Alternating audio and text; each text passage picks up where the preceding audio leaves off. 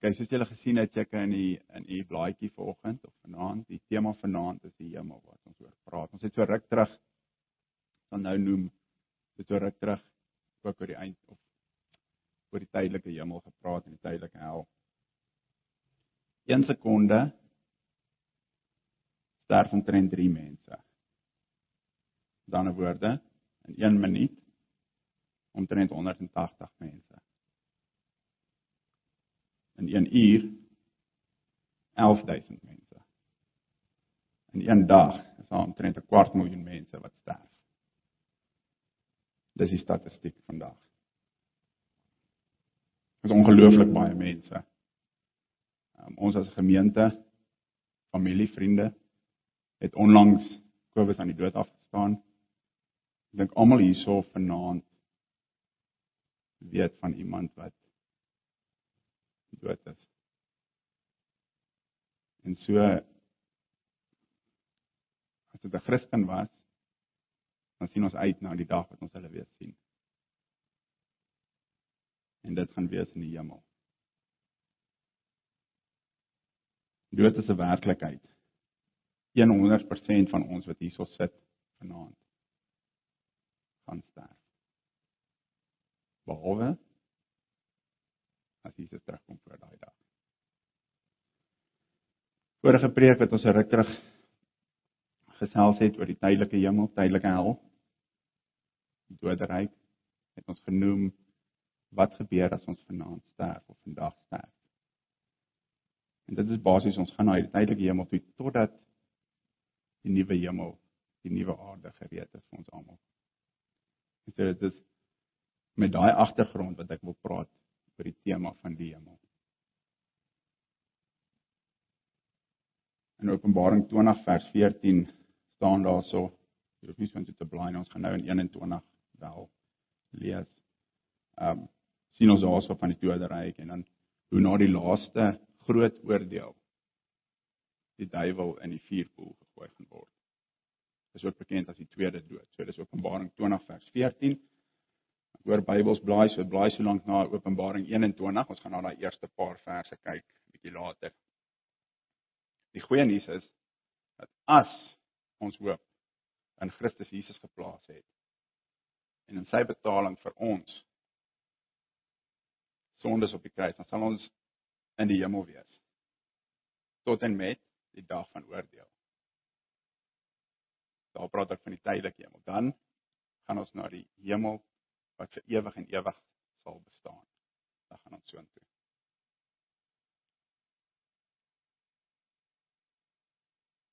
Ek weet daar's baie onsekerhede oor die eindtye en gaan nie te veel tyd daaraan spandeer vanaand nie. Ek wil nie hierso 'n geselskap begin wat ons nie sal kan einde sit vanaand nie. Ek wil hê ons moet gesels, ons moet kyk. Ons moet 'n voorsmaak kry van die ewige lewe.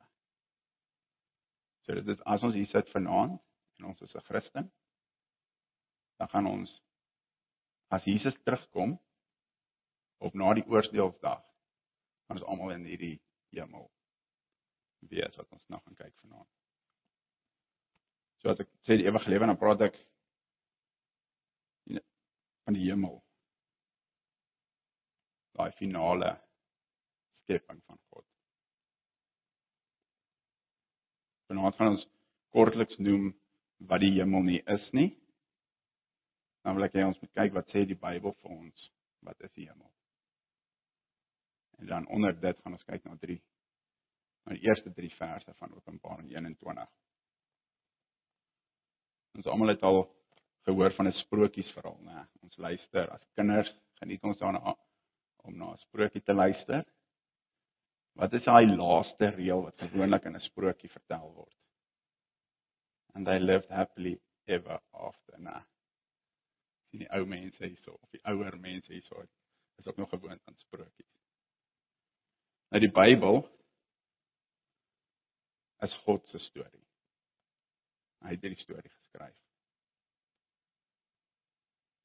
Dit is die enigste boek wat jy kan optel wat vir ons sê and they lived happily ever after en dit bedoel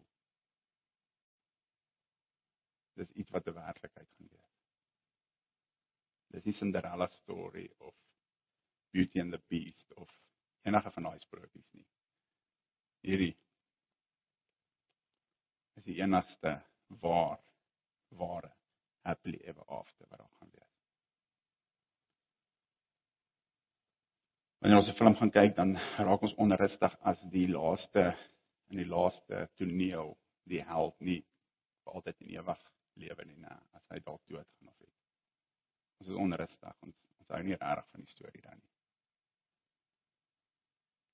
As ons vanaand die vraag hierso tussen ons moet vra, wat is die hemel? Dan gaan ons 'n paar interessante antwoorde kry. Baie mense sê ons kan nie indink wat die hemel is nie. Ek sê soms kan nie presies indink wat die hemel is nie, maar ek dink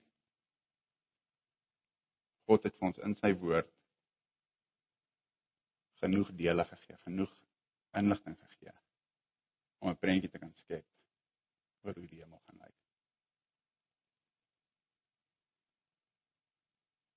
As ons weet ons gaan vir 'n lang tydperk na na 'n vreemde land toe byvoorbeeld, dan wat doen jy? Nee, wel 'n bietjie voordat jy Malawi toe was, het jy 'n bietjie uitgevind oor Malawi, né? Jy het ek seker van julle het soveel as moontlik inligting gekry oor die land. Nou, hoeveel te meer moet ons nie inligting probeer kry oor waar ons ewigheid gaan spandeer nie. Hollywood en talle films het natuurlik hulle deel gedoen om ons wanpersepsie te gee van die hemel. Ek weet nie of dit seker al almal 'n prentjie gesien van 'n ou wat op 'n wolk sit en so afkyk of 'n ou wat daar sit en 'n harp speel. Nou die eerste ding wat ek wil duidelik maak vanaand is wat die hemel nie is nie. Eerstens ons gaan nie op 'n wolkie sit en 'n harp speel en alleen net daar sit nie. As jy dit geglo het tot nou toe, sê dit uit. Ons gaan nie verveeld wees nie. Ons gaan nie ons gaan nie teleurgesteld wees as ons in die hemel Ons gaan nie geeste wees wat net rond sweef of ronddryf daarso nie. Ons gaan nie die hele tyd net met 'n koor uitrusting daar staan en sing nie. Ons gaan sing. Ek weet dit. Maar dit gaan wees omdat ons wil sing. Ek weet nie of jy ooit so opgewonde was dat jy jouself nie kan help nie. Jy begin net sing. My vrou maak my gewoonlik stil as ek dit doen. Maar daar's in die hemel gaan ons opgewonde wees om te sing. Randy Alcorn, bekende skrywer, het 'n boek geskryf, Die Hemel. En hy vertel in hierdie boek van 'n vriend van hom wat wat Christen is of was en nie wou hemel toe gaan nie. Want hy het gesê dit is te lekker op die aarde. Hy's bang hy gaan verveeld wees in die hemel. En dit is presies wat die duiwel wil hê van ons. Hy wil hê ons moenie weet wat die hoe die hemel gaan wees nie. Dat ons nou teleurgesteld moet wees. Dat ons nou nie moet uitsien na die hemel nie. Die duiwel wil hê ons moet min, ons moet glo dat ons niks kan weet van die hemel nie.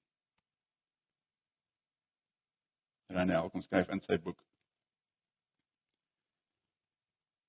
waar hy nou vergelyk dis nou waar ons ons persepsie die dinge hoe ons dink die hemel is en dan wat die Bybel sê die hemel is. So al daai idees wat ons van kleintyd af het wat die hemel is vergelyk met die met die Bybel.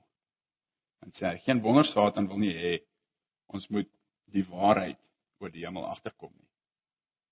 As ons 'n gebeurte daarna sal ekskuus, as ons 'n begeerte daarna sal hê en sal uitsien na die toekoms wat God ons wil bied, sal ons God liewer hê. Dit sal ons bemoedig word om hom met groter vasbeslotenheid en 'n beter perspektief te volg. So meer ons weet van die hemel meer opgewonde gaan ons wees. Hoe meer gaan ons praat van die dinge van die van die ewigheid. Hoe meer positief gaan ons wees. Hoe meer gaan ons God lief hê. Op baie maniere kry Satan reg wat hy probeer doen. Ek self kan julle van talle kere vertel wat ek in my eie lewe wanneer dit goed gegaan het hier op aarde gevoel het. Ek sien nou regtig lus om hemel toe te gaan nie. En dis net omdat ek nie geweet het wat vir ons wag nie. Gaan goed hierso vir 'n oomblik. En dink jy nee. Ek weet die hemel gaan lekker wees, maar wat as ek verveeld is daarso? Wat as dan niks is om te doen nie? Wat as ons maar net daarso in 'n leefvertrek sit en niks het om te doen nie? Dit is maar net omdat my idee van hemel nie was wat die Bybel vir ons vertel nie. Kom ons kyk wat sê die Bybel vir ons van die hemel. Openbaring 21 vers 1 tot 7. En ek gaan die ou vertaling uitlees. Dit is wat die Bybel vir ons sê van die hemel. Vers 1. En ek het 'n nuwe hemel en 'n nuwe aarde gesien. Maar die eerste hemel en die eerste aarde het verbygegaan. En die see was daar nie meer nie. En ek Johannes het die heilige stad, die nuwe Jerusalem sien neerdal van God uit die hemel. Toe berei soos 'n bruid wat vir haar man versier is. Ek het 'n groot stem uit die hemel hoor sê: Kyk, die tabernakel van God is by die mens. En hy sal by hulle woon en hulle sal sy volk wees en God self sal by hulle wees as hulle God. En God sal al die trane van hulle oë afvee en daar sal geen dood meer wees nie. Ook droefheid en geween en moeite sal daar nie meer wees nie. Maar die eerste dinge het verbygegaan. En hy wat op die troon sit het gesê: kyk, ek maak alles nuut. En hy het aan my gesê, skryf, want hierdie woorde is waaragtig en betroubaar. En hy het my gesê, dit is verby, ek is die Alfa en die Omega, die begin en die einde. Aan die dorstige sal ek gee uit die fontein van die water van die lewe, verniet. Hy wat oorwin, sal alles beerwe. En ek sal vir hom 'n God wees en hy sal vir my 'n seën wees. Die eerste ding wat ons daarso sien is natuurlik die eerste vers wat vir ons sê daar sal 'n nuwe hemel en 'n nuwe aarde wees. Nuwe die nuwe beteken nie noodwendig 'n ander hemel of 'n ander aarde nie. Nou kom sê ek so. Wat sê 2 Petrus 3 vers 10? Ons lees maar die dag van die Here sal kom soos 'n dief in die nag. Petrus sê dis net ons weet nie wanneer die Here terugkom nie. Waarin die hemele met gedruis sal verbygaan. Die elemente sal brand en vergaan. Die aarde en die werke wat daarop is sal verbrand. So Petrus sê vir ons die aarde gaan vergaan. Kom ons lees net vers 6 van hoofstuk 3, 2 Petrus. Waar hy praat van die van die sondevloed waardeur die toenmalige wêreld met water oorstroom is en vergaan het. Hierso praat Petrus van die God die aarde onder water gesit het.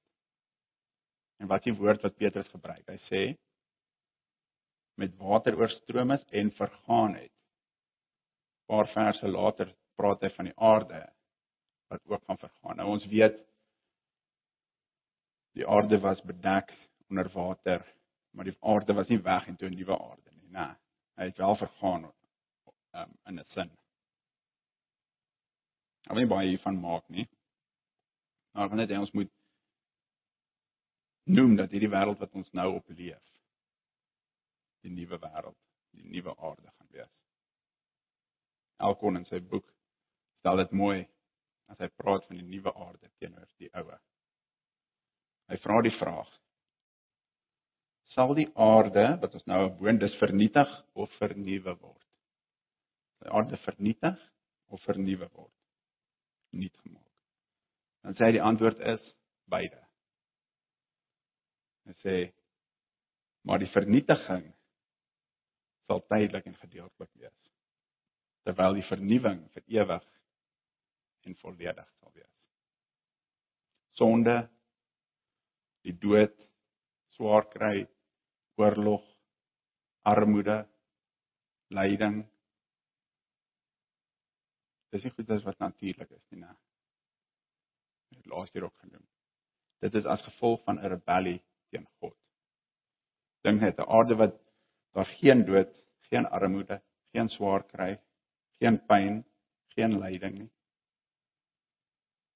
Natuurlik sal ons dadelik ja sê vir so 'n uitnodiging, né? As daar so 'n offer op die tafel geplaas word, sal ons dadelik ja sê. Is dit die geval? Nie altyd nie. Ons kan nie tuis wees op hierdie aarde nie. Alhoewel ons so graag. Adam en Eva was tuis totdat hulle gesondig het.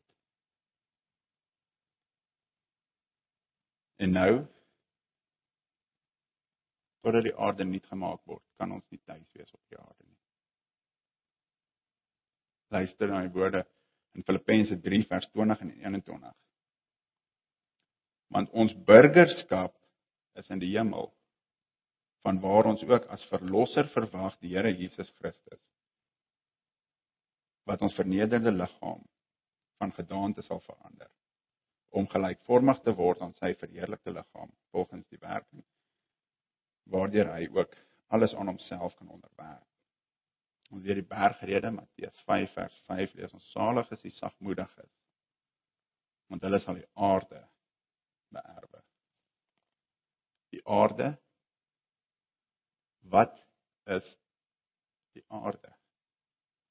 Dis 'n plek met 'n atmosfeer, berge, water, bome, mense, huise, stede, geboue, strate. Dis alles woorde om die aarde te beskryf. Dit is nie waar nie. Wat vind ons in Openbaring 21 en Openbaring 22? In daai twee hoofstukke vind ons al daai beskrywings. Al hierdie dinge word daar genoem. Hoekom? Want dit is die vernuwe aarde. Die hemel van hierdie aarde wees. In sy finale voorkoms finale voorkoms soos God dit sê. Die aarde was Genesis 1 en 2 en sal wees Openbaring 21:22. Perfekte tuiste. Maar is nie nou nie. In die Bybel word woorde genoem soos versoen, verlos, herwin, wederkoms, hernie, herlewe, wederopstanding. En al hierdie woorde dui op 'n terugkeer na 'n oorspronklike toestand wat verdorwe of selfs verlore geraak het. Byvoorbeeld, verlossing beteken om om iets terug te koop wat voorheen besit was. Hernuwing beteken om iets nuut te maak, om te herstel tot 'n oorspronklike toestand. Skrywer Albert Wolters in sy boek Creation Regained skryf: God hou vas aan sy oorspronklike skepping en hy red dit. Hy weier om die werk van sy hande te laat vaar. Trouwens, hy offer sy eie seun om sy oorspronklike projek te red. Die mens om wat sy oorspronklike mandaat verbrou het en ook die skepping daarmee saam word nog 'n kans in Christus gegee. Ons word herstel in ons posisie as God se bestuurders op die aarde die oorspronklike goeie skepping sal herstel word. As God wou, dan kon hy ons net het. Toe Adam en Eva gesondig het, kon hy net gesê het dis genoeg. Hy kon net nie begin het, maar hy het nie. Hy het ons lief en hy het besluit om ons, die aarde en die hemel te red. Hoekom? sy glorie natuurlik. In Matteus 19 vers 28 net voor dit is die ryk jong man wat na Jesus toe kom en vra wat moet ek doen om die ewige lewe te kry. En dan ja later aan as Jesus nou in vers 28 met sy disippels praat sê Jesus Voorwaar ek sê vir julle dat julle wat my volg of gevolg het in die wedergeboorte. Daai woord palagesia beteken nuut gemaak of gerestoreer. Wanneer die seun van die mens op sy heerlike troon gaan sit julle ook op 12 trone sal sit en die 12 stamme van Israel sal oordeel. 'n Nuwe vertaling maak dit vir ons duideliker. Die nuwe vertaling lees so: Jesus sê: Dit verseker ek julle wanneer alles nuut gemaak of wanneer alles gerestoreer word as die seun van die mens op sy koninklike troon sit en dan gaan aan. Openbaring 21 oopheid lees vers 5 saam met my. En hy wat op die troon sit, het gesê: "Kyk, ek maak alles nuut. Kyk, ek restoreer alles." Ons sien die nuwe hemel en die nuwe aarde wat afkom. Johannes sien. Tweedens sien ons die nuwe Jerusalem. Ons sien dit in vers 2 die nuwe Jerusalem wat neerdal op die nuwe aarde. En ek Johannes vers 2 het die heilige stad, die nuwe Jerusalem sien neerdal van God uit die hemel. Toeberei soos 'n bruid wat vir haar man versier is. Van later na hoofstuk 22 vers 1 tot 5 kyk wanneer ons Jerusalem vergelyk met die nuwe Eden.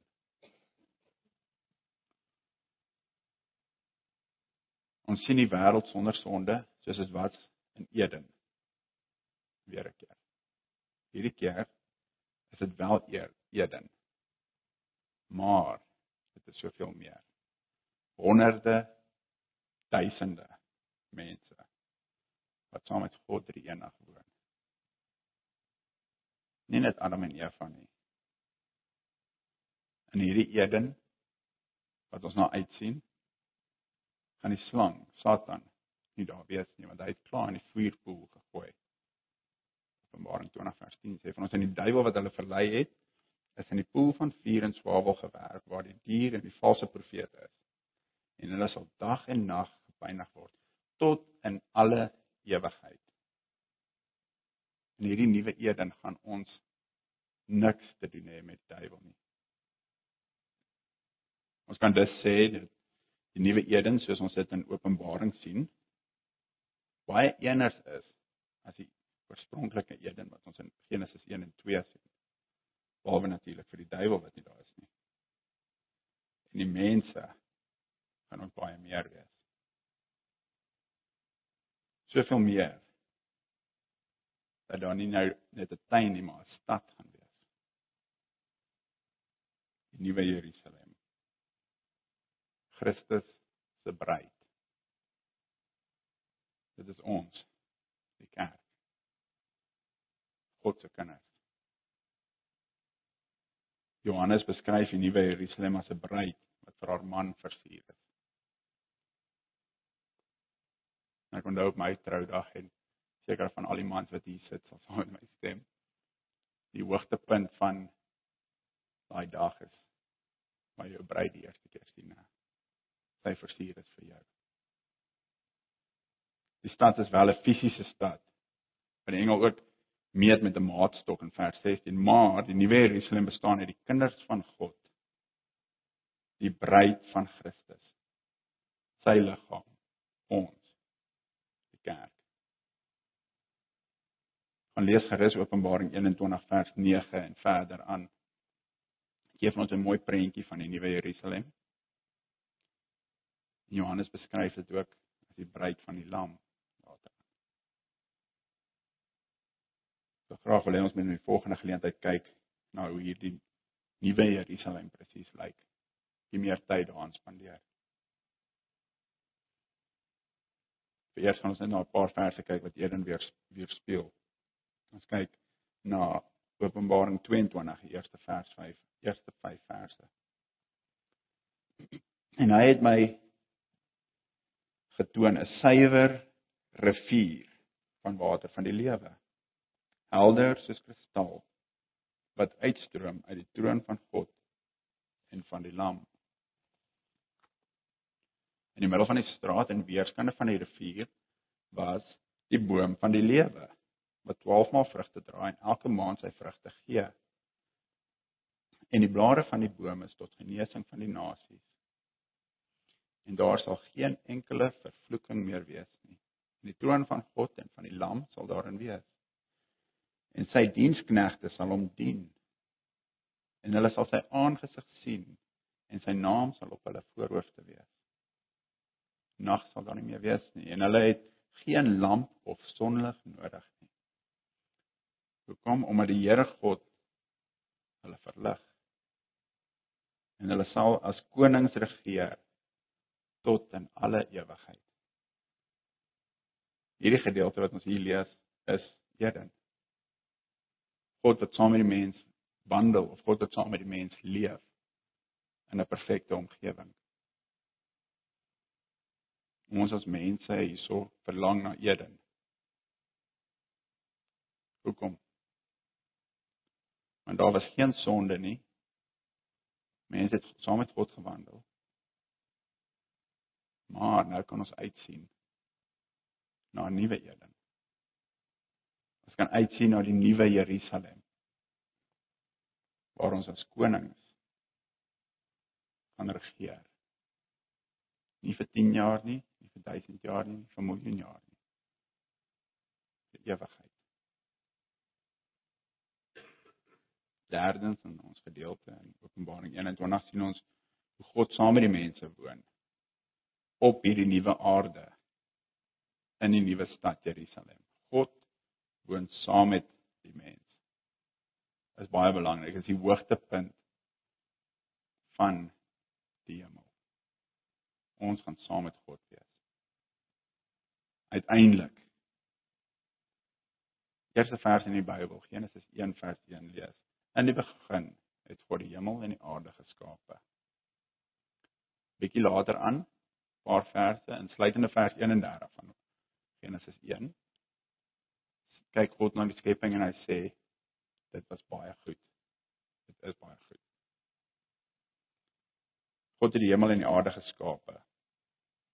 Ons sien dit in Genesis 1. God het genoem gesê dat dit goed was. Hoekom was dit goed? Op daai stadium was die aarde sondig, sondig geweest. Daar was nie 'n vloek op die aarde geweest nie. Hoofstuk 3 vers 8 van Genesis lees ons en hulle het die stem van die Here, dis Adam en Eva, die stem van die Here gehoor terwyl hy wandel in die tuin in die aandwind of in die semer. Terwyl God wandel in die tuin. God het in die tuin van Eden saam met die mens gewandel. Natuurlik totdat Adam en Eva gesondig het. Die nuwe koninkryk wat ons sien in die laaste twee hoofstukke van die van die Bybel van Openbaring gaan dan natuurlik ook nie sonde wees nie. Hoekom? Want God gaan daar wees. God is heilig saam met sonde te wees. God gaan saam met ons leef daar. Kyk vers 3 Openbaring 21 vers 3. Kyk, die tabernakel van God is by die mens. En hy sal by hulle woon. En hulle sal sy volk wees en God self sal by hulle wees as hulle God. Verder aan in daai hoofstuk vers 22 lees ons en 'n tempel het ek nie daarin gesien nie. Hoekom het Johannes nie 'n tempel in Jerusalem gesien nie? Want hy sê vir ons van die Here God. Die Here God die almagtige is sy tempel. Die Here God self is daar, so dis nie nodig vir 'n tempel. As ook die lam. Anthony Hoekema, 'n teoloog, sê God sal die nuwe aarde sy woning maak. Hemel en aarde sal dan nie langer geskei wees soos nou nie. Maar dit sal een wees. Maar om die nuwe aarde buite rekening te laat.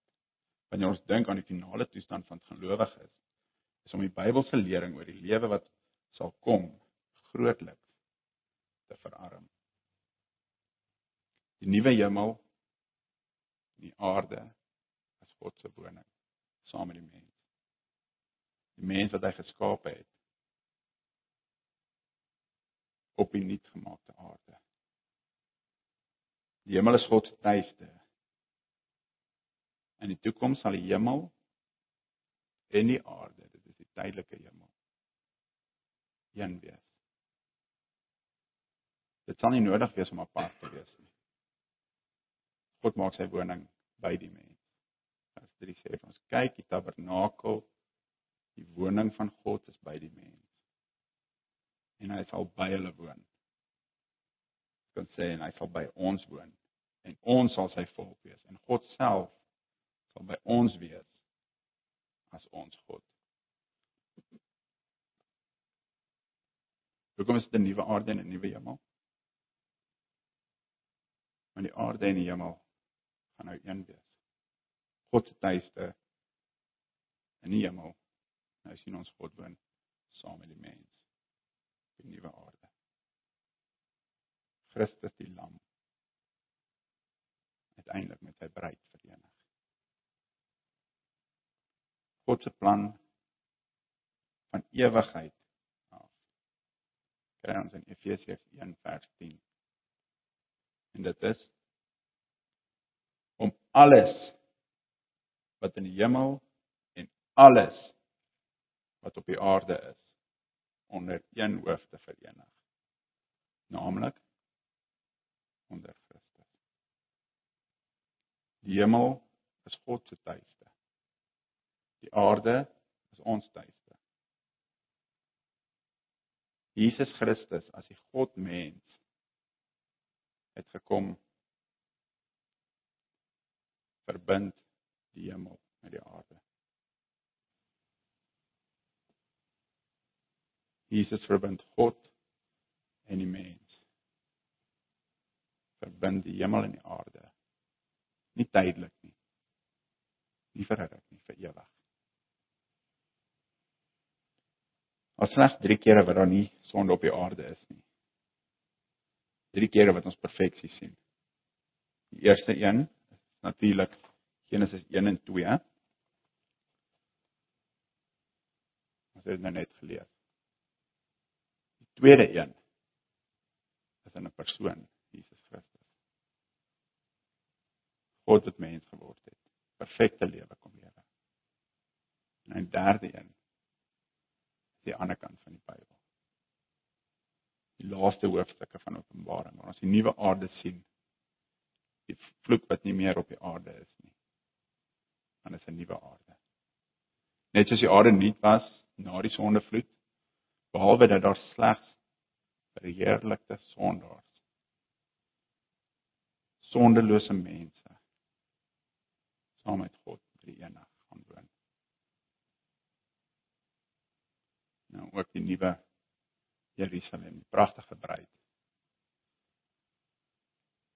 Ons het die verlede, die hede en die toekoms. In die verlede het ons die perfekte prentjie gesien Genesis 1 en 2. In die toekoms sien ons die perfekte nuwe Eden. En die persoon wat dit bymekaar bring. Jesus. Die God mens.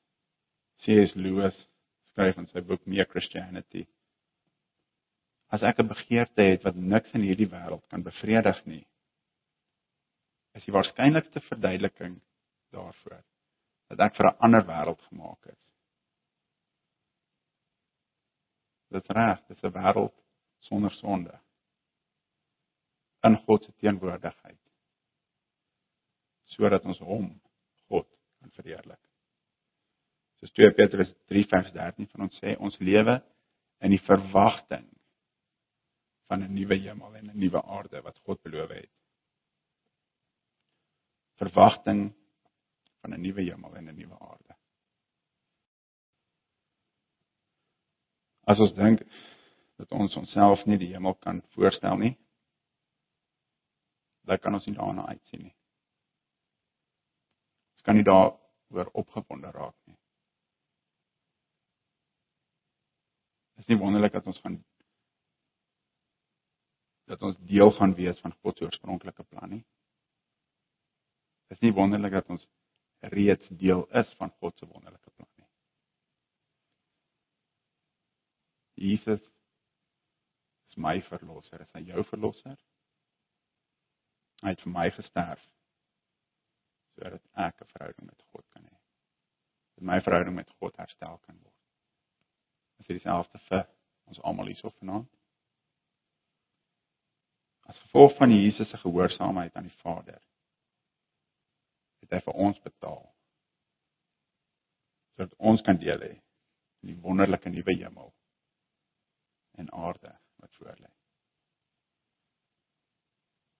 God se belofte reg deur die Bybel is dat hy van ons 'n God sal wees en ons sy volk sal wees.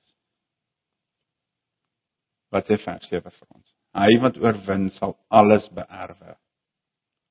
En ek sal vir hom 'n God wees en hy sal vir my 'n seun wees. Vers 3 kyk die tabernakel of die woning van God is by die mens. En hy sal by hulle woon. En hulle sal sy volk wees en God self sal by hulle wees. By ons wees as ons God. Onthou elke sekonde drie mense wat sterf. Gaan na die tydelike hemel of die tydelike hel toe.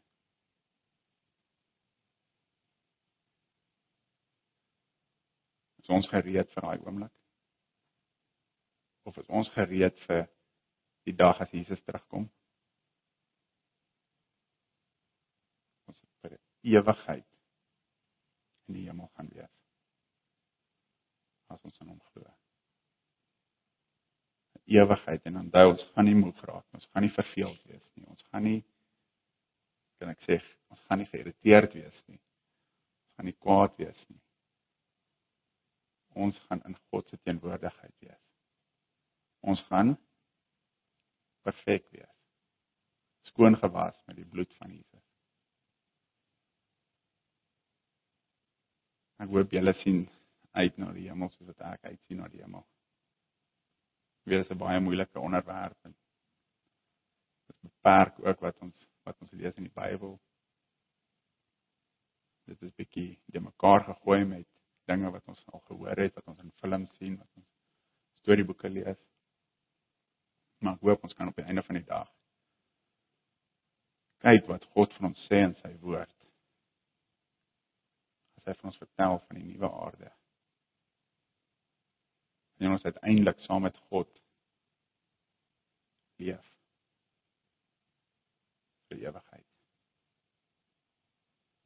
Ons bid saam. Here ons bid en vra dat U vir ons in ons opgewondenheid sal skep. As ons dink aan 'n ewigheid saam met U.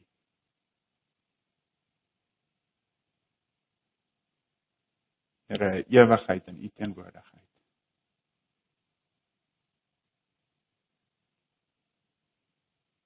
Saam met al ons geliefdes wat U liefhet. Liefgehad het. Here ons sien uit na daai dag. Ons bid en vra dat U met ons sal wees tot en met daai dag. Ons in die tussentyd opgewonde sal wees, Here.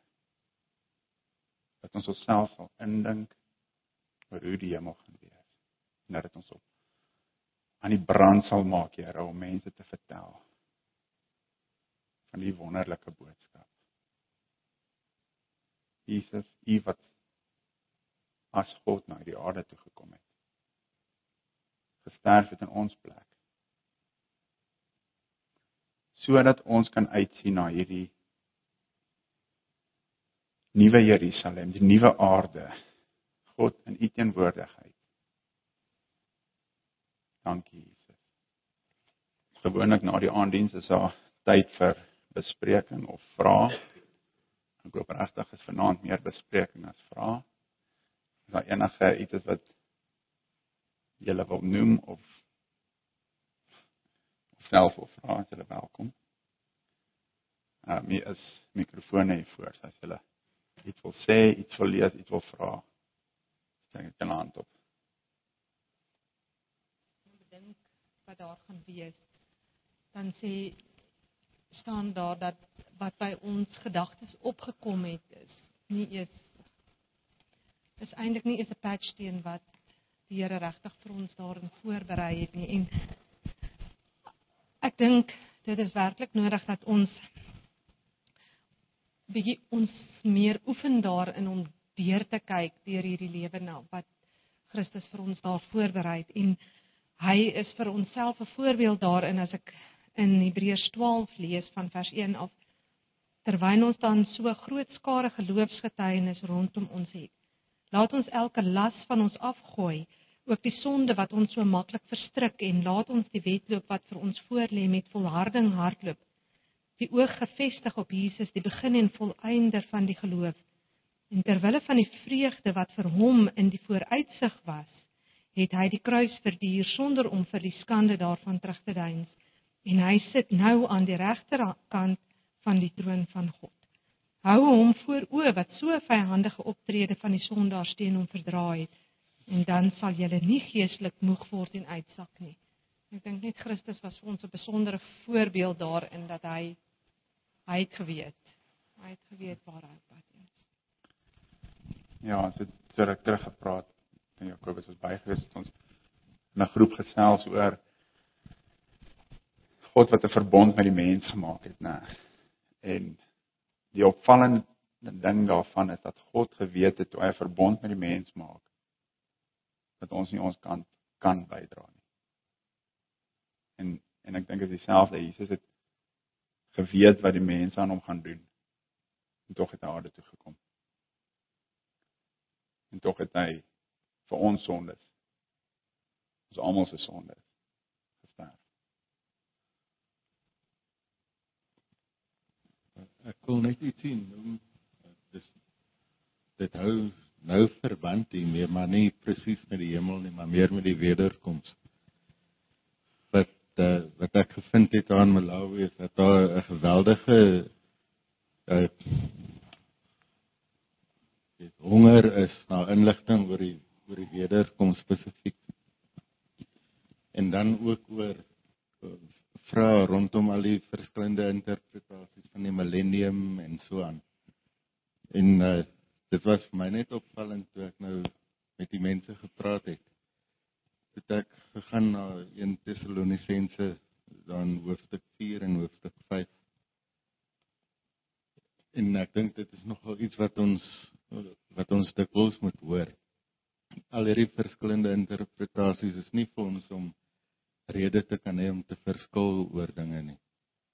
Maar dit die, dat ons die fokus het van vorentoe kyk en ek wil net daai daai woorde uit 1 Tessalonisense 4 vers 18. Dis Paulus het gepraat met die mense oor die wederkoms en Jesus wat kom op die wolke. En sy hele idee was therefore comfort one another with these words en ook in hoofstuk 5 waar hy praat oor die dag van die Here in vers 11.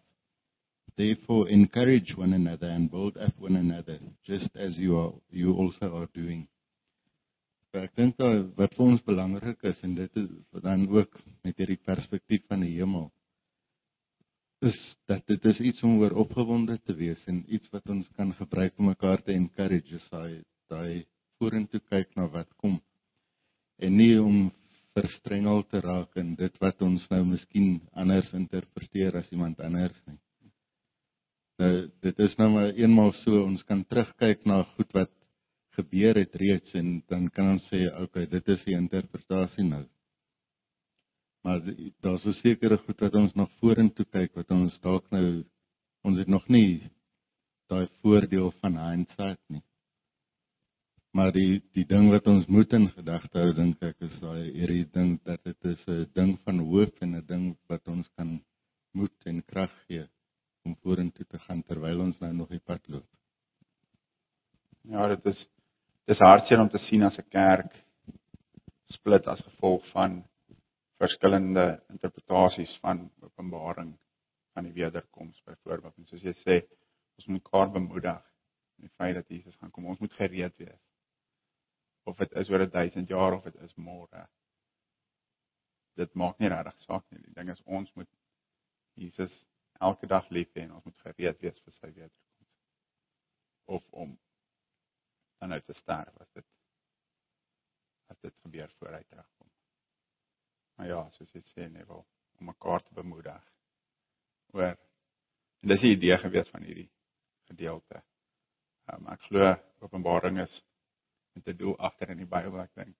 En baie tyd in die eerste 90, 95% spandeer voordat jy daai laaste 5%